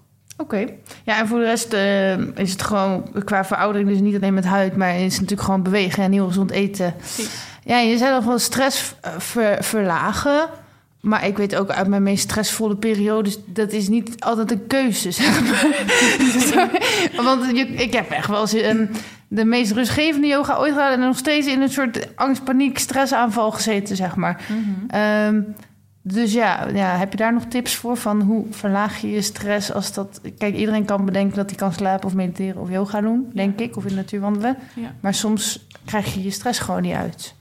Ja, en dat is denk ik de grootste uitdaging. Ja. En soms heb je het gevoel dat je de keuze niet hebt. Mm -hmm. En ik denk dat je altijd de keuze hebt. Mm -hmm. um, we hebben dan het gevoel van... ja, nee, maar ik kan niet minder werken. Mm -hmm. Ik kan niet minder hard werken. Of als ik het niet doe, dan uh, neemt mijn collega die, uh, die baan of die uh, rol of functie wel over. Um, Maar goed, hoe harder wij allemaal blijven rennen, hoe meer we er ook zelf aan meedoen. Ja. En ehm, ik denk ook het bespreekbaar houden. Ja. Als je stress hebt, joh, ehm, vertel het aan je omgeving en geef aan, dit kan ik er nu niet bij hebben. Of eh, wil je met me meedenken, want ik lo- loop hier en hier tegenaan. Eh, of thuis bijvoorbeeld, als er heel veel op je schouders ligt. Want eh, sommigen die willen alle ballen hoog houden. Hè? En je moet een leuke partner zijn en je moet sporten en je moet eten en je hebt de kinderen nog. En eh, dat je daar ook goed de balans houdt voor jezelf. Ja. En kijken van, goh, hoe kun, je, hoe kun je bepaalde dingen ontlasten? Hoe kan iemand jou ontlasten? Hoe kun je een ander inschakelen ook voor hulp? Want vaak willen we ook heel veel alleen doen. Ja. ja, maar ik vind het dus ook wel heel erg... eh, Het zit nog steeds wel heel erg in de cultuur. Gewoon, bijvoorbeeld in elke vacature zie je staan... stressbestendig. Ja, Niemand is stressbestendig. Maar ook van als je dus zou gaan klagen op je werk over stress... Ja, het ligt ook een beetje aan waar je werkt natuurlijk. En, ehm, maar ja, ik denk dat ze dan ook wel denken... hallo, dit was de bedoeling dat er hier stress was, weet je Toch? Het is de bedoeling dat je doorwerkt. Wat loop jij nu weer te mekkeren? Ja, dus dat vind ik ook wel... eh, En een korte stress kan, hè? En, en- piekmomentjes, dat je dan inderdaad harder werkt of voor een deadline, dat, eh, dat kan best. Maar ik denk dat we heel vaak niet meer herkennen dat we eigenlijk chronische stress hebben. Ja. Nou, ik eh, kon het op een gegeven moment wel herkennen hoor. dat is een beetje too much. En dat is eigenlijk denk ik wat je net zei, van Ja. ik merk dat ik niet meer uit kan staan. En zelfs met de yoga kan ik niet ontspannen. Ja, Dan zit je denk ik in je chronische stress. ja. Ik eh, heb je nog een heel goed verhaal. Want, ehm, nou, kijk, mijn laptop is uitgevallen. En normaal zou ik dan denken: oké, ga ik uit mijn hoofd verder. Ah, Ehm, maar ik had zulke leuke dingen opgeschreven dat ik het nu eigenlijk zonde vind dat die is uitgevallen. heb je een oplader in de buurt? Ja, dat hoop ik. En anders dan ga ik het toch gewoon zelf verzinnen. heb je nog iets Leuk verhaal. Eh, nou, eh, jij hebt een huisdier. Moet ik even over mijn huisdier vertellen dan? Ja, doe maar. Even iets luchtigs. ik zie dat jij een heel schattig hondje hebt. Ik hou van dieren namelijk. Ik heb echt wel... ehm oh, wat leuk. Je hebt een hoofdmasseur daar liggen. Ja, Die heb ik ook, ja. Voor de mensen thuis, als je wil ontstressen, zo'n hoofdmasseur is echt geweldig. Zo'n eh, dingetje met pinnetjes wat je op je hoofd kan doen. Even tussen de bedrijven door. Het is echt heerlijk om even te ontspannen. Of even bij je partner te doen. Dat je echt, eh, dan krijg je even de kriebels van. En dat is echt eh, ontspannend. Verder zet ik mijn podcastgasten nooit voor het blok of zo. Nee, nee nooit. Nee. Maar eh, je bent wel goed in ehm, improvisatie. Jawel, hè? Ja. Ja, nou, konijnen heb ik dus thuis. ik hou dus echt van dieren, maar ik, ik werk dus eigenlijk te veel om een hond te hebben. Het liefst zou ik ook eigenlijk wel een hondje willen. Eh, katten ben ik allergisch voor. Dus dat, eh, dat gaan we dan niet doen. En ik heb eh, vroeger altijd een konijntje gehad. En dat vond ik zo leuk. En ik zat echt, nou nog net niet dag en nacht, maar echt hele dagen bij dat beest. Die is uiteindelijk, even kijken, bijna 15 jaar geworden. Echt bizar oud voor een konijntje. En sinds coronatijd heb ik dus weer een, een dwerghangoortje. Oh, een lekker ding is dat. Dit was de spreekbeurt Dit was over het konijn. ja. En Oké. ze is er weer. En door. Ja, ik weet alleen niet... Oh, oh shit, hij ging net aan. Dit is echt spannend, luisteraars. Staat het nog. Zo hoor je dat het live is. Ehm, eh, ik zag ook wel een melding, ja, hij valt buiten uit. Ik dacht, oh, dat duurt nog heel lang. Nou, Hoeveel luisteraars heb je eigenlijk? Ehm, dat is verschillend per podcast, maar nu ongeveer 800. Dus ik ben nog niet wereldberoemd. Nou, dat is toch... eh, Ja. ja, leuk. Heel leuk. Ik, eh, ja, ik zou er nog wel meer willen, maar dat gaat vanzelf hopelijk. Ja. Ehm, ja, de volgende... Hoe heb je nog tijd trouwens? Ik heb tijd. Oké, de volgende vraag Wat is... is tijd? Mm, ja, maar misschien heb je nu nog een andere afspraak of denk je, "Pff, ik ben er helemaal klaar mee. Dat is een uitspraak in mijn geboortedorp, staat op de muur. Ja, Niet de tijd, maar wij gaan voorbij. ja dat inderdaad. Of eh, ik heb ook wel eens een staak in de rij bij de kassa. Ehm, en dan eh, zeg, zeggen mensen van, ja, eh, mag ik even voor? En dan zeg ik altijd van, ja hoor, ik heb geen haast. Ik heb nog mijn hele leven. Ja, je weet helemaal niet hoe lang je leven nog duurt. Terwijl heel veel mensen denken, shit, ik heb de verkeerde rij gekozen. Ja. Ligt er natuurlijk ook aan wat je op dat moment nog moet gaan doen en zo. Ja. Ehm, ja, wat moeten we eten of doen om beter te slapen? Oeh, dat is ook een mooie. Nou, je kan verschillende dingen doen. Als je heel hoog in je stress zit, heb je grote kans dat je moeilijker kan slapen. Zit je heel lang op je laptop, tv of, eh, of niet op je tv, maar eh, op je mobiel, dan eh, heb je kans dat je slechter kan slapen. Dat is vaak wat we ook doen, met ons mobieltje naar boven en nog even op Facebook, Instagram of wat dan ook checken. En voordat je het weet ben je een uur verder aan het scrollen en denk je, oh, ik moet eigenlijk slapen. Eh, hoe langer je die schermpjes aan hebt, hoe later het duurt voordat jouw eh, melatonine eigenlijk wordt aangemaakt. En ehm, ja, dan slaap je dus later. Ja. Heb je ook heel weinig beweging, kan het ook zijn dat je moeilijk slaapt. Ehm, heb jij ehm, ongezonde leefgewoontes, ben je veel aan het snoepen of snaaien of ja, eet je ongezond, dan heb je dus hele hoge bloedsuikerspiegels, eh, heel veel wisselingen. En hoeveel, hoe meer wisselingen je hebt eigenlijk, hoe sneller je ook s'nachts weer wakker wordt. Ja. Omdat je lichaam dan denkt, hé, hey, je moet alert blijven. Want als je te veel een piek of te veel een daling krijgt, dan, eh, dan moet je weer even wakker worden en eh, niet blijven slapen. Ja. Dus je lichaam is eigenlijk ehm, ja, alert. Maar ook als je tekorten hebt bijvoorbeeld, dat vind ik dan ook echt ja, bewonderenswaardig, bewonderenswaardig eigenlijk. Ehm, als je tekort hebt van bepaalde dingen, dan uh, vitamine of mineralen, dan wordt je lichaam actief.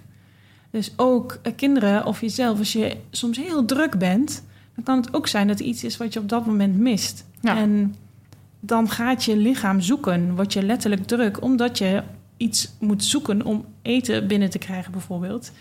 In plaats van dat je dan gaat slapen. Want dan krijg je die voedingsmiddelen niet tot je. Dus dan denk je misschien, ja, het gaat vet goed, maar ik ben heel druk. En dan heb je eigenlijk een tekort. Ja, maar ook bijvoorbeeld eh, leerstoornissen. Ja. Of eh, kinderen of mensen met een bepaald eh, eh, stempeltje, hè, ADHD of eh, noem maar op andere dingen. Misschien zijn daar wel andere dingen aan de hand. Ja. En eh, waardoor diegene juist heel druk is. Terwijl als diegene wat meer bepaalde vitamine mineralen zou krijgen, is diegene veel rustiger. Ja. Of kan die zich beter concentreren. Daar schijn je ook nog speciaal dieet voor te hebben met eh, heel veel, ik weet niet meer precies wat, maar heel veel rijstewafels en zo. Want ik heb vorige keer bij Natuurwinkel gewerkt en dan weet ik nog dat er van die ADHD-kindjes kwamen. die moesten dan allemaal van dat ja, rijstewafels eten, zo, want dat zat in hun ADHD-dieet. Oké, oh, nee, ik denk dan meer aan magnesium bijvoorbeeld. Oké. Eh, ik weet ook niet precies hoe het dieet, maar dan in ieder geval zitten de rijstwafels in, dat weet ik dus wel. Ja. En dan moeten ze volgens mij elke week een bepaald voedingsmiddel weglaten om dan te kijken waar ze Ja. wel of niet druk van worden. Ja, precies. Nou ja, suiker word je natuurlijk sowieso druk van. Ja. Maar heel veel mensen gaan dan bijvoorbeeld aan de Ritalin. Nou, en ik had echt wel eens kinderen in de, in de klas, ja, die vallen in slaap. Van Ritalin. Ja, Oh, nee, ik word ook heel eh, druk voor Ritalin, heb ik gemerkt. Ja. en dan denk ik, nou, hoe mooi is het om eerst bijvoorbeeld naar je voedingspatroon te kijken... voordat je eh, aan de medicijnen gaat. Maar dat denk ik met heel veel dingen. Ja, ik vind het eigenlijk altijd wel leuk om heel druk te zijn. Gewoon, niet gestrest, hè, maar enthousiast druk vind ik wel. eh, Ja, en waarom moet dat per se slecht zijn? En ook in de klas, mhm. we willen allemaal dat ze stilzitten... en we willen dat ze op hun plek blijven en luisteren. Eh, maar waarom willen we dat? En waarom mag iemand niet druk zijn? Waarom mag iemand niet bewegen? Ja, maar daarom zeg ik ook van, ik wil dat ze in het onderwijs meer gaan bewegen. Kijk, eigenlijk, we, zijn eigenlijk oer-natuurmensen. hè. Die, die horen te jagen en te rennen en te verzamelen en weet ik veel. Nou, in de natuur te leven. Dan heb je super jonge, speelse, ontdekkende, lerende kinderen. En wat gaan we met ze doen? We zetten ze op een stoeltje neer. ze moeten de hele dag stilzitten. Dan krijgen ze ook nog straf als ze gaan bewegen. Ja, Dat is toch gewoon tegen de natuur in. Want ze zijn al leergierig, ze zijn al bewegelijk, ze zijn al op ontdekkingstocht. En denken we, ja, die moeten we... Ja, dat vind ik zo raar bedacht van de mens. ja. En dus gelukkig zijn ook steeds meer vrijere scholen... en Ja. die daar echt naar kijken... en die meer richting het bos ook gaan... en Ja. meer op ontdekking. En Ja. dat, eh, dat vind ik dan wel heel mooi te zien. Maar ik vraag me soms wel af hoe lang gaat het duren... Ja, voordat wij meer back to basic zijn. Ja. En meer weer samenleven met de planeet... in plaats van gebruik maken van. mhm. ja en, en ik denk dat heel veel... ehm, nou, in ieder geval bij mezelf... Ik heb het meest geleerd van dingen die ik zelf wilde leren... en het minst van dingen die ik moest leren, zeg maar. Precies. Mijn vier jaar studie Frans lees- le- leerde ik het meest met mijn buitenland stage... Ja, Toen ik in Frankrijk werd gedropt, van joh, red je maar. ja oké, maar dan is het ook weer een bepaalde urgentie natuurlijk. Dus dan is het ook Ja. weer vraag. Maar ja, dan zit er ook weer passie achter. Ja, maar dan moet je wel inderdaad. En dan, daar heb ik veel meer geleerd dan dat ik eh, al die vier jaar in de boek heb gezeten. Ja. ja. Oké, ehm, we gaan nog heel even over voeding. Ja, daarom wilde ik hem aan hebben. Ehm, wel of geen schijf van vijf? Hmm. Ehm, nou, deels. Weet je, ik vind het een heel mooi bedacht systeem en er zit absoluut wel ehm, waarheid in, vind ik. Maar daar staan ook producten op waarvan ik denk, nou zou je dat wel doen? En dat wordt dan gewoon als gezond aangewezen. Dus ik, ik ben dan bijvoorbeeld leefstijlcoach. Hè? En eh, dan werk ik ook dus voor eh, een bedrijf. En die werken dan ook met een eh, app. Waar dus alles, daar kun je alles bijhouden. Maar als je wil afvallen, moet je onder je calorieën gaan zitten dan wat je verbruikt. Dan val je af. Dan denk ik, ja, hè, dat kan. Dat klopt. Maar is dat goed? Krijg je dan nog wel alles binnen wat je wil krijgen? En daar staan dus ook gewoon alle producten bij. Hè, van ehm, nou ja, yoghurt, maar ook eh, dus brood en pasta. Eh, dus dat wil niet zeggen dat dat voor iedereen altijd handig is. Sommige mensen hebben helemaal geen last van als ze brood eten. En andere mensen die krijgen er wel last van. En daarna de alternatieven kijken bij eh, het kolommetje vetten. Als die dan heel hoog uitslaat. Ja, als je frietje hebt gehad, is het logisch dat die hoog uitslaat in vet. Maar ook als jij een avocado neemt, dan staat die ook hoog in vet. En avocado is in mijn ogen niet slecht. Mhm. Want het zijn gezonde vetten en we hebben ook gezonde vetten nodig. Sterker nog, je hebt gezonde vetten nodig om vet te kunnen afbreken. Ja. Dus dan wordt er dan bijvoorbeeld gezegd: ja, nee, laat die avocado maar achterwege. Want er zit te veel vet in. Ja, dat, daar sta ik dan niet achter. Er zijn trouwens ook weer mensen die zeggen van je moet zoveel mogelijk natuurlijk eten wat er in de omgeving voorkomt. En dan zou je weer voor kiezen om niet avocado te eten, want dat groeit in principe Ja. niet in Nederland natuurlijk. Ja, dat is ook een hele mooie lokaal, inderdaad. Lokaal, ja. Ehm, wel of geen koolhydraten? Dus denk ik een beetje wat je hebt beantwoord met brood, hè? ja, en koolhydraten hebben we allemaal nodig. Mhm. Ehm, maar ik denk dat wij tegenwoordig te veel koolhydraten Ja, eten. veel. Omdat we brood eten en een ligaatje en een crackertje en dan een beschuitje. En dan eten we s'avonds nog pasta of een lasagne. En aardappels. Ja, en aardappels ben ik dan zelf wel weer fan van. Mhm. Eh, naast dat ik het ontzettend lekker vind in met de zoete aardappel. Je kan ontzettend veel kanten op. Eh, maar als je het af laat koelen ook, dan eh, heb je wat minder zetmeel, zeg maar. Maar dan daar kun je prima van eten. Dat is niet per se slecht. Maar al die bewerkte dingen, juist die pasta's, dat is gewoon bewerkt. Hè? Dat komt niet uit de grond. Dan zou ik zeggen, joh, ga dat even liever niet doen. Mhm. Maak in plaats van je spaghetti, maak daar courgette spaghetti van. Ja. Of bloemkoolrijst. Courgette heet dat, hè? Ja, precies. Oké. Ehm, wel of geen suiker? En hoe zit het met fruitsuiker? ja. Het liefste geen suiker. Mhm. Eh, maar wel natuurlijke suikers. Ja. Wij hebben essentiële suikers nodig. Mhm. Ja, maar tegelijk zeggen sommige wetenschappers weer van suiker is suiker. Mhm. Maar ja, in de fruit zit in ieder geval nog vitamine. Ja, precies. En daar heb je het complete, hele complex noem ik het even. Dan heb je het hele dingetje bij elkaar. En dan heb je niet pure suikers, wat je bijvoorbeeld eh, wel in bepaalde voedingsmiddelen vindt. En ik denk fruitsuiker dat we dat prima kunnen hebben. Oké, dus dat is wel kilo's jou wel beter. Ja, absoluut beter. Daar zijn dus ook meningen over verdeeld. Hè? Ja. Wel of geen vlees en zo wel, welke soorten? ja, die heb ik eigenlijk al een beetje benoemd. Uh-huh. Eh, dus biologisch vlees eh, zou ik dan wel inderdaad met mate doen. En niet dat je een B12 tekort eh, krijgt bijvoorbeeld, maar dat je wel vlees eet. En ehm, niet alleen maar vleesvervangers. Daar zitten vaak ook weer heel veel eh E-nummers en middelen bij. Ehm, maar ook, maar dat vind ik zelf nog wel een dingetje... omdat ik het zelf niet zo smakelijk vind, orgaanvlees. Oh ja. Biologisch Ja, orgaanvlees. dat schijnt wel echt heel gezond. Ik heb gehoord dat wit vlees beter is dan, dan rood vlees, zeg maar. Mhm. En dan even denken. Ja, kip zou eigenlijk heel goed zijn, maar er zitten weer te veel hormonen in. Ja, precies. Zo is er alles. Alles varken is eigenlijk ook weer... Ja, dus ik Ja. vind het ook heel erg... En dan zijn er ook weer heel veel mensen die zijn nu helemaal voor veganisme. Maar ik heb eigenlijk gezegd, ik eet wel vlees, want de wetenschappelijke bewijzen zeggen nu... Die hebben meer bewijs dat vlees eten gezond is op lange termijn... eh, dan wat ze van veganisten hebben. Wat niet betekent dat veganisme per, per se slechter is... maar daar hebben ze gewoon minder onderzoeken naar gedaan. Mhm. Dus daarom eet ik wel vlees. Ja, Voor en mijn gezondheid. kijken voor jezelf van, hé, hey, wat ervaar ik nu? Ja. Ik merkte met, als ik toch af en toe vlees eet, dat ik dan mezelf energieker voel. En Ja. dat ik ook wat meer kleur heb. En Ja. dat ik wat meer body voel, wat meer kracht voel dan alleen maar... ehm, ik heb best wel een tijdje inderdaad gewoon helemaal vegetarisch gegeten. En voor nu merk ik dat ik dat helemaal oké vind. En ehm, ja, ik wil eigenlijk straks pas vragen wat je gelooft en zo, maar eh, alhoewel moeten we ook al bijna weer afronden. Nou ja, hoe zie je dat spiritueel? Van, ehm, Ja, ehm, nou ja, je kan vanuit ook allerlei spiritualiteit kan je in ieder geval zeggen van waarom zou je vlees eten, want het is Ja. niet goed voor het dier. Ja, en daar heb ik echt heel lang heel erg veel moeite mee gehad. Want ik ben een absolute dierenliefhebber.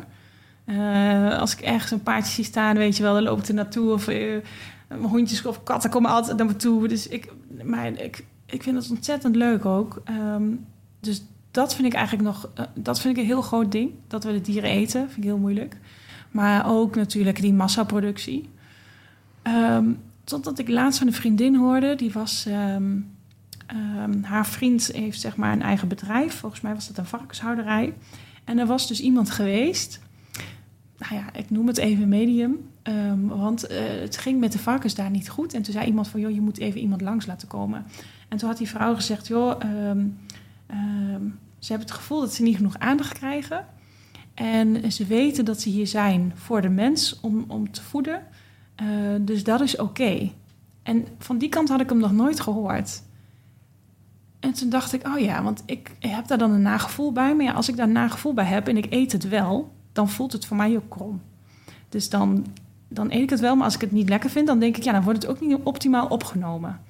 Als ik het wel ja, met acceptatie kan doen en ik weet ook dat het biovlees is, of ik weet dat het ergens vandaan komt waar het goed heeft geleefd, ehm, heb ik daar meer vrede bij. Ja. Ik vind het niet fijn, maar het, ja, ik kan het beter dan dat ik plofkip eet. Ja. Dat wil ik dan alle tijden vermijden, want dat is het ergste wat, ik, ja, wat je maar kan doen met dieren. Hè, die kleine hokjes en dingetjes. Dus ja, toen dacht ik, dat vind ik ook wel een spirituele. En wat ik ook heel vaak doe trouwens, is even bedanken. Dat klinkt misschien heel raar. Mhm. Dan denk ik, oh ja, bedankt voor dat je mijn eten wil zijn. Ja. Ja, en dat, Voor zover je dat tegen wereld, maar ik weet dat Bedankt voor je mensen Heel, ja, maar dat mensen het heel raar vinden als ze het misschien horen. Maar Stel je dat voor- je dankbaarheid uiten. Ja. Ja. dat klinkt heel raar. En misschien ook wel een beetje... misschien, maar- ja, misschien is dat dier eigenlijk heel boos op je. Je hebt me vermoord. Ja, nou, ik niet. Dat zou ik ook nooit kunnen. Want Nee. ik ken ook mensen die inderdaad hun eigen ja, kippen of eh, vee slachten. Dat lijkt me echt verschrikkelijk. Ja. Dat zou ik niet kunnen. Nee. Lijkt me heel Maar ja, dan weet je, niet, maar dan weet je wel hoe het is gegaan. Ja. Ehm, wel of geen vis? Goeie. Nou, ik eet wel vis. Ehm, maar ik weet ook dat onze vis, wat wij hier eigenlijk eten, dat dat gewoon niet echt kwaliteit vis is. Dat Ja. heel veel gewoon, dat daar zoveel zware metalen in zitten. Dat we daar eigenlijk eh, niet zo heel blij van worden en dat het best wel toxisch is. Maar ik eet het wel. Mhm. En ik slik ook, ik slik zeker bij. Ik slik echt wel bij van een eh, biologisch goed merk waarvan ik weet dat daar duurzame vangst is en dat daar ook weer visjes worden vrijgezet. Ehm, hè, om dat toch nog een beetje weer in cirkel, eh, way of life, een beetje. Maar het is niet dat ik heel regelmatig vis eet. Maar goed, het komt ook omdat ik dan omega-3 eh, bijslik. Ja. ja, vis zit natuurlijk heel, heel veel gezond vet in. Maar er zit ook weer heel veel plastic in en heel Ja. veel zooi in die kwekerij. Die, eh, precies, microplastics en. eh, Ja. Oké, we houden over, op over wel en niet, want dat ga ik allemaal niet redden in de tijd. Ehm, ja, dan heb ik ehm, nog twee onderdelen, grote onderdelen met heel verschillende vragen. En die moeten dan samenvatten in 10 minuten. Oké. Dus ik, hoe ga ik het doen? Ik ga vier vragen stellen over spiritualiteit, heel snel achter elkaar. Mhm. We hoeven ze niet allemaal te onthouden, maar mag je alles wat je rondom dat onderwerp wil vertellen in vijf minuten vertellen. Vind je dat een goed idee? Een goed idee. Oké, gaat ie. Gaat heel snel, hè? Let op. Waar geloof je in? Is er leven na de dood? Geloof je in engelen, gidsen en geesten? Stel, je wordt morgen wakker in het leven van... Oh, dat is wel een heel andere vraag. Nou ja, in het leven van je dromen, hoe ziet dat eruit? Oké, nu mag jij. Spiritualiteit. Nou, ik heb die holistische therapeutopleiding gedaan. Mhm. En ehm, Jij hoeft trouwens minder te haasten dan ik, hoor. Mag gewoon een... oké, niet te snel te praten, dus kan ik in één keer ademen. Ehm, en daar heb ik eh, nou ja, dingen meegemaakt, ervaren, doordat ik ook heel veel rust had en minder uit mijn hoofd. Of eh, eh, minder in mijn hoofd zat en meer uit mijn hoofd kwam. Ehm, dat ik echt wel denk, ja, er is meer. Eh, er was bijvoorbeeld een eh, klasgenoot van mij. We gingen dan een uh, reiki-behandeling doen. En er was een klasgenoot van mij die, uh, die lag dan. En uh, ik deed dan de behandeling. En ehm, ik ben visueel best wel sterk. Ja. En ooit heeft iemand wel eens gezegd... ja, jij bent um, wetend... eh, hoe noem je dat? Helder wetend? Held uh, wetend. Dat je ja. het gelijk inderdaad weet. Maar kan ik nog niet zo goed uitleggen. Of kan ik er nog niet zo goed woorden aan geven. En dat heb ik wel eens vaak. Maar dan weten anderen het zelf nog niet. Maar goed, wat ik toen bij haar had... Ik legde mijn hand op haar buik. En dat kan ik niet als ik gestrest ben. Dat kan Mhm. ik niet als ik nog met mijn hoofd op het werk zit. Dat kan ik niet als ik aan andere dingen denk. Dan moet ik totaal leeg zijn en ontspannen. En eh, ja, echt mijn aandacht zeg maar, bij haar en op het voelen. En toen zag ik dus een baby, een plaatje voor me. Echt een baby uit zo'n biologieboek, zeg maar, vroeger van... eh, en toen wist ik, ik zeg, jij bent een kind verloren. Nou, dat was dan na de behandeling, zeg maar, hebben we dat besproken. En toen zei ze, ja, dat klopt. En toen zegt ze, met zeven maanden ben ik mijn kind verloren. Dus dat soort dingen, ik, ik wist haar geschiedenis niet. Ik heb dat verhaal nog nooit gehoord. En dat vind ik dan zo bijzonder. Dan denk ik, ja, dat, wij, wij weten zoveel niet eigenlijk. Wij zitten zo in ons hoofd en wij willen dingen kunnen verklaren. Maar ik denk dat er zoveel meer is wat wij niet kunnen verklaren. Nee. En dat vond ik heel gaaf. Ja. En ehm, zo hadden we nog bij bijvoorbeeld bij de eh, gelukscoachopleiding hadden we een oefening, moesten we schuin tegenover elkaar gaan zitten. En eh, je moest bedenken wat is je grootste angst en daar alleen maar aan denken. Dus een klasgenoot van mij zat tegenover mij, ze sloot de ogen en ze ging aan iets denken. En ik dacht eerst van ja, hallo, hoe weet ik dit nou weer? Hoe kan ik hier dan weer achter komen? En ze deed ogen dicht en ik keek naar haar en toen dacht ik ja, zij is bang om de ouders te verliezen. En toen zei ik dat, ze zegt ze dat is goed. Ik zei wat, dat is goed. Dus dat soort dingetjes. We kunnen zo eigenlijk energieën voelen. En dat kunnen we niet zien. Maar dat is er wel. En dat heeft zoveel effect. Mhm. Ehm, en ik denk dat kinderen dat ook heel snel eh, doorhebben. Ehm, dat ik echt wel geloof dat er meer is. En dat ik ook... Ik was heel lang bang voor de dood. Mhm. En dat ik daarna dacht... Wauw, als mijn lichaam niet meer leeft... dan geloof ik dat mijn ziel wel op de een of andere manier voortleeft. Ja. Of dat mijn ziel wel, ja, misschien weer terug naar boven en een nieuwe reis uitzoekt. Of nieuwe ouders uitzoekt. Of ik weet het niet. Maar ik heb daardoor meer, meer rust gevonden op de een of andere manier. ja. En, maar dus je bent er niet meer bang voor? Nou, dat is ook wel makkelijk gezegd. het, is niet, ik, ik, het is niet dat ik dingen niet meer doe omdat ik dan bang ben. Dus als ik op vakantie wil, ga ik op vakantie. Of als ik, hè, ik stap in de auto en ik rij eh, naar Ede. dus dat, daar denk ik dan niet over na. Maar als ik zou denken van, nou, ik ben ziek. Ja, natuurlijk zou ik ook wel angst hebben dat ik denk van... ja, maar ik wil nog helemaal niet dood. Mhm. Dat, eh, nee. Ja, dat, eh, maar ik zou het ook gewoon heel eng vinden van waar kom je dan terecht als je überhaupt ergens terecht komt, zeg maar. Ja, En- en mij, mij lijkt het meestal het moment Mm. zelf. Dat lijkt me heel naar. Ja, dat alles loslaat. Maar kijk, als ik bijvoorbeeld nu naar Amsterdam ga, ik ben wel eens in Amsterdam geweest, ehm, maar zelfs, oké, zelfs als ik naar een stad ga die ik niet ken, dan, dan herken je, weet ik veel, bordjes wat je moet doen of zo. Of de- er zijn overal wel ongeveer dezelfde spelregels. Het kan een beetje cultuurverschil zijn, maar, maar als je dus opeens in een heel ander dimensionaal iets komt wat hele andere regels heeft dan de aarde, dan ben ik heel bang dat ik het niet snap. en dat ik het dan fout doe of zo. En waarom denk je dat? Nou ja, dus, dus hierop, nou ja, misschien is het ook wel gewoon dat ik het op aarde ook best wel altijd heel moeilijk heb gevonden om het te snappen. nu snap ik het eigenlijk een beetje. Ja. En dan kan je diezelfde regels op heel veel plekken toepassen. Ja, Maar als je dus in een wereld komt waar er gewoon, waar alle regels anders zijn, ja. ja, wat moet je En- dan doen? En wat als je daar komt en je weet het op dat moment? Ja, dat net als met eh, dat je zeg maar met een bevalling kan je, ja, er kan wel iets fout gaan, maar daar kan die baby niet zoveel aan doen, zeg maar. Dat, die kan niet falen of zo. Ja, nou, ik, ik denk dat als dat zo is, dat ze ergens anders komen.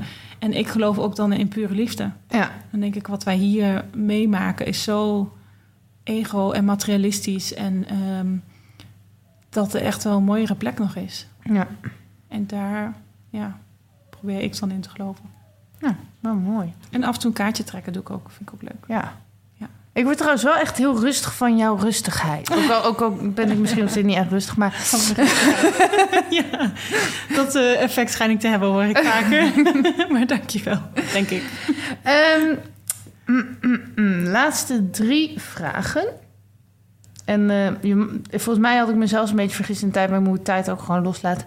Je hebt negen minuten om een mooi einde eraan te breiden. Verder geen druk Heel snel drie. Oké. Wat zou je tegen jezelf zeggen? Eh, tegen, Oké, maar mag je dat eerst omschrijven. Tegen jezelf in het dieptepunt zeggen. Mm. Of heb je geen dieptepunt gehad? Oh, zeker wel. zeker wel. Wat zou ik zeggen?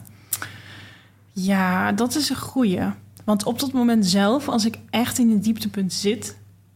dan kan ik echt niet zeggen... joh, Joyce, meisje, kijk eens om je heen. Hier heb je alles, wat heb je nog eh, te wensen? Dan, dan op dat moment dan kan ik dat niet zien... en dan kom ik er gewoon echt even niet uit. Dus dan is het gewoon keihard beleren. Of dan is het schreeuwen. Of uh, nou, schreeuwen, ja, soms tegen een ander dan. Maar gebeurt niet zo snel hoor. Maar dan... Ja, wat zeg ik dan tegen mezelf? Wat ik meestal doe, dan ben ik echt de kritische ik. En dan denk ik, ja, zie je, wat heb je niet goed gedaan? Mhm. Waarom heb je er zo, oh, zo stomme actie? Of eh, dan ben ik echt voornamelijk mezelf aan het afsnauwen. Mhm. Ja. En maar als je dus nu... ehm, ik wil dat... eh, ja, dat klinkt alsof je het dan nu verkeerd... Maar dit is ook al goed. Maar ehm, eh, als je dan jezelf nu ziet als... eh, en ze leeft nog lang en gelukkig sprookje... en je kijkt terug op jezelf in het dieptepunt. Wat zou je dan je, je, je Ja. jongere zelf vertellen? Ehm, nou ja, dan moet ik ook wel denken misschien aan het innerlijk kind. Hè? Dat je dat eh, dan bij je hebt of bij je houdt. En dan ook zie- ziet, voor je ziet het kleine meisje. Wat zou je dan tegen haar zeggen? Ehm, en dan, dan, ja, dan is het standaard zinnetje, heel cliché. Maar het komt allemaal goed. Dat denk ik. Ik zeg altijd, het is al goed. Het is al goed, Voelt inderdaad. alleen niet altijd goed. maar- Ja, ja dat, is, eh, dat is nog beter. Is Ehm, hoe wil jij herinnerd worden als je bent overleden? Oh, mooi. Dat zeg ik meestal ook te- tegen de mensen als ik een workshop doe of zo. Dan, eh, dan zeg ik ook die eh Renee Brown of Brene Brown? Renee Brown. Volgens mij geen leeg, ja. Die de, de mensen die op, de, op stervendagen gevraagd heeft. Van, goh, hè, waar heb je spijt van en wat zou je anders gedaan hebben? Dus stond Mhm. op nummer één van, ik zou de, wou dat ik minder gewerkt had. Ehm, en ehm, wat zou je anders gedaan hebben, zei je?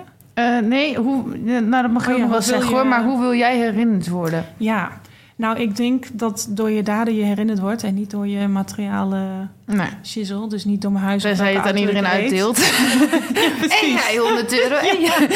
You get an iPad. Dan word je ook herinnerd hoor. ja, nou, ik denk, ehm, of ik hoop, nou ja, of ik wil dat mensen aan mij denken als een liefdevol en warm persoon. Ja. Dat gewoon liefde doorgeeft. Ja. Ja. Ja, ik zit nu eigenlijk, nu ik zo je diepgang hoor op die spirituele vragen, dat ik denk, ah shit, moet ik nou echt al die voedselvragen aan jou stellen, terwijl er nog zo'n diepere laag is. Maar ja, aan de andere kant, die, op die voedselvragen wilde ik ook altijd al antwoord. ja, precies. Maar, nou ja, Heel goed. oké. Deel 2, volgende week. Wie was de mysterieuze vrouw die zoveel over voeding Ja. Oké, w- wat ehm, wil je nog meer over jezelf kwijt qua diepgang of wat je echt niet hebt kunnen delen met ons in de, deze podcast?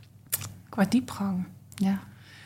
Nou ja, dat weet ik eigenlijk niet zo goed. Maar ik dacht wel van, oh ja, als mensen naar luisteren en die denken, joh, we willen een keer een workshop. Of we willen dat je een keer langskomt. Of eh, ook op scholen bijvoorbeeld doe ik ook wel eens van, eh, van eh, faalangst en meer zelfvertrouwen. Of eh, heel, je met voeding bijvoorbeeld eh, rustiger of meer focus, dat soort dingen kan krijgen. Of überhaupt meer beweging of andere dingen. Dan denk je, joh, je mag altijd contact opnemen. Maar nog meer diepgang. Nee, heb jij nog iets waarvan je denkt, dat heb ik nog niet gehoord of dat wil ik nog weten? Mm, mm, mm.